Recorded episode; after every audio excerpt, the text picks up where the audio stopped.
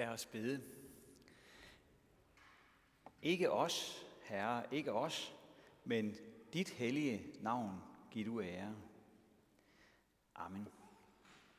Dette hellige evangelium skriver evangelisten Matthæus.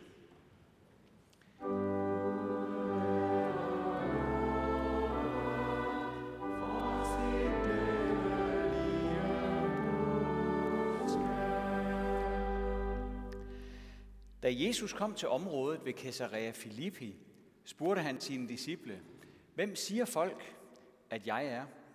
De svarede, nogle siger Johannes Døber, andre Elias, og andre igen Jeremias, eller en anden af profeterne.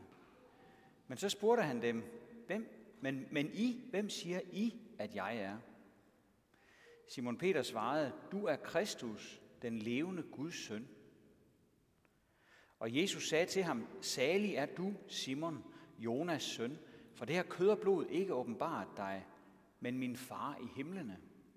Og jeg siger dig, at du er Peter, og på den klippe vil jeg bygge min kirke, og dødsrigets porte skal ikke få magt over den. Jeg vil give dig nøglerne til himmeriget, og hvad du binder på jorden skal være bundet i himlene, og hvad du løser på jorden skal være løst i himlene. Der forbød han strengt sine disciple at sige til nogen, at han var Kristus. Fra da af begyndte Jesus at lade sine disciple vide, at han skulle gå op til Jerusalem og lide meget ondt af de ældste og ypperste præsterne og de skriftkloge og slås ihjel og opstå på den tredje dag. Da tog Peter ham til side og begyndte at gå i rette med ham og sagde, Gud bevar dig, herre, sådan må det aldrig gå dig. Men Jesus vendte sig om og sagde til Peter, vi bag mig, Satan, du vil bringe mig til fald, for du vil ikke, hvad Gud vil, men hvad mennesker vil. Der sagde Jesus til sine disciple, hvis nogen vil følge efter mig, skal han fornægte sig selv og tage sit kors op og følge mig. Den, der vil frelse sit liv, skal miste det, men den, der mister sit liv på grund af mig, skal finde det. For hvad hjælper det et menneske at vinde hele verden, men bøde med sit liv? Eller hvad kan et menneske give som vederlag for sit liv? Amen.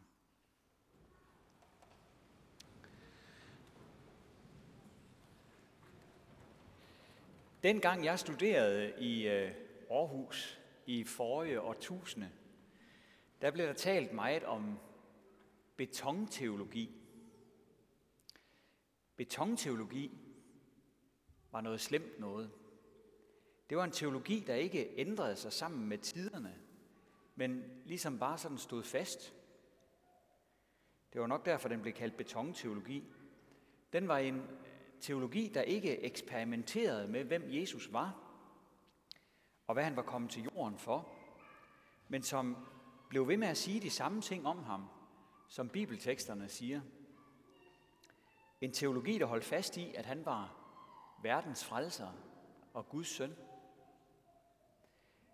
Betonteologi var sådan en teologi, som vi har i den kristne trosbekendelse. Så den bliver af mange regnet for kedelig og meget gammeldags og ikke værd at samle på. Sådan var der mange, der mente dengang. Og det er vist ikke blevet færre, der mener det siden da.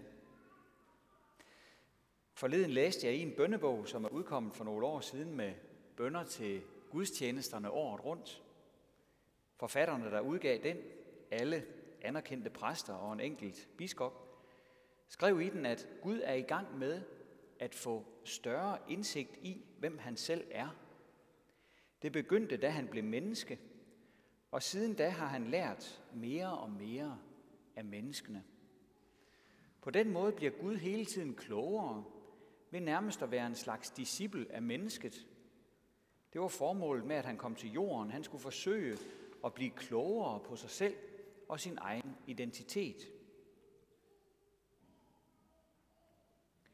Når jeg læser sådan noget, så får jeg rigtig meget lyst til at være betonteolog. Hvis Gud ikke engang selv ved, hvem han er, men skal lære det af mig først, så er hele kirkens projekt godt nok et tvivlsomt et. Her vil jeg foretrække at have noget beton at stå på. Eller en klippe, som man sagde i gamle dage. Noget, der ikke flytter sig. Noget, som jeg altid kan regne med. en solid sokkel, et ordentligt fundament.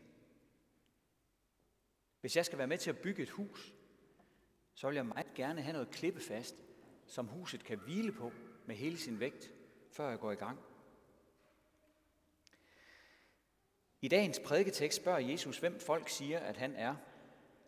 Hvis nu, hvis nu det var det eneste, han spurgte om, så kunne øh, det jo faktisk godt betyde, at han var lidt usikker på sin egen identitet og ville hjælpes lidt på vej af sådan en meningsmåling.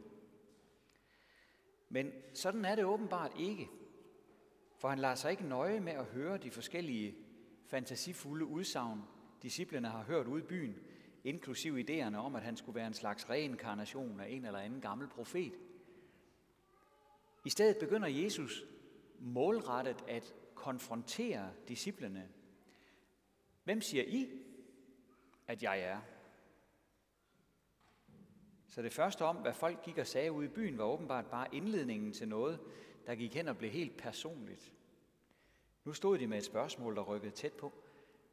Hvem siger I, at jeg er? Det var fint nok, at de kunne give sådan en øh, gengive en vifte af forskellige øh, synspunkter. Men hvad mente de selv om ham? Hvem regnede de ham for? Py af. Hvem skulle tage ordet, når flokken blev spurgt på den måde? Det blev Simon Peter. Han var aldrig længere om at rykke ud med en melding, men han var også første manden iblandt dem, måske den ældste. Så han tager ordet og kommer med sin bekendelse, du er Kristus, den levende Guds søn. Og så kan vi se, at det er her, Jesus hele tiden har vildt hen. Han har læst Simon Peters tanker på forhånd. For de bliver startskuddet til den her meget vigtige bekendtgørelse, som Jesus kommer med ved denne her anledning. De første kristne får den bekendtgørelse i samlet flok. Du er en frelst mand, Simon. For det er ikke bare dine egne tanker, eller noget, du har hørt ude i byen, det du siger om mig. Du tror det virkelig. Og det gør du, fordi Gud i himlen har givet dig troen på det.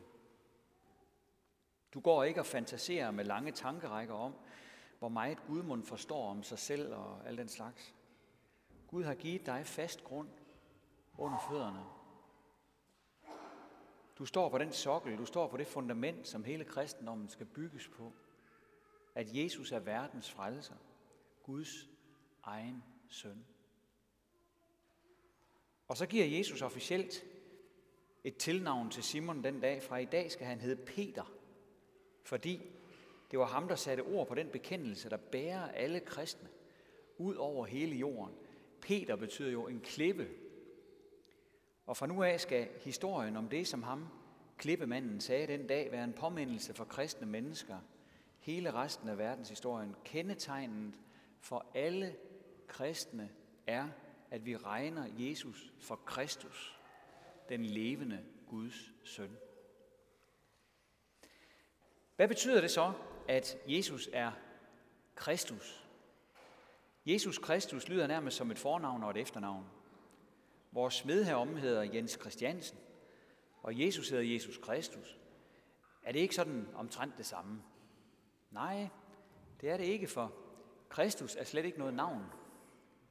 Kristus er en titel. Kristus på græsk betyder det samme som Messias på hebraisk. Den salvede. Det betyder den, som Gud har udvalgt til en helt unik opgave. I Gamle Testamente kan vi læse om, at profeter og konger kunne blive salvet, når de blev valgt ud og sat ind i deres særlige opgave. Så hældte man duftende olie på hovedet af dem og velsignede dem. Det mindede næsten om en dåb. Men det var altså ikke med vand, det var med olie. Olien skulle signalere, at Guds ånd nu kom over dem på en særlig måde, så de kunne gå i gang med den opgave, som de havde fået. Det var tit nærmest umulige opgaver, der blev løst af de konger og profeter, der var blevet salvet. De vandt utrolige sejre, de udførte mirakler, eller de sagde ord fra Gud, som ingen andre turde sige, og som havde en utrolig virkning på modtagerne. Og så var de her konger og profeter i Gamle Testament endda kun forløbere og antydninger. For der skulle komme en særlig person på et tidspunkt, fik mange af dem at vide, som på en helt særlig måde skulle være den salvede, Messias eller Kristus. Han skulle være en, der udførte mirakler som ingen andre. Han skulle være en, der vandt sejr som ingen anden. Han skulle være en, der talte Guds ord med myndighed. En myndighed, der ikke kunne overgås af nogen eller noget. Han skulle være Kristus, den salvede, universets nøgleperson. Han skulle vinde over døden, og han skulle forene Gud og mennesker igen med sit offer på korset, og føre os til Gud og give os evigt liv på en helt ny jord. Alt det og endnu mere ligger der i titlen Kristus, som altså er en meget eksklusiv titel, som kun én person i verdenshistorien kan bære. Og det er den titel, som Peter bekender, at Jesus kan bære. Han siger simpelthen til Jesus, jeg tror, at du er den frelser, som hele den første lange del af Bibelen handler om. Jeg tror, det er dig, Jesus, som jeg er sammen med nu. Nu er du kommet. Jeg tror, at du er universets hovedperson. Jeg tror, at du er vores allesammens eneste håb til syvende og sidst. Jeg tror på dig.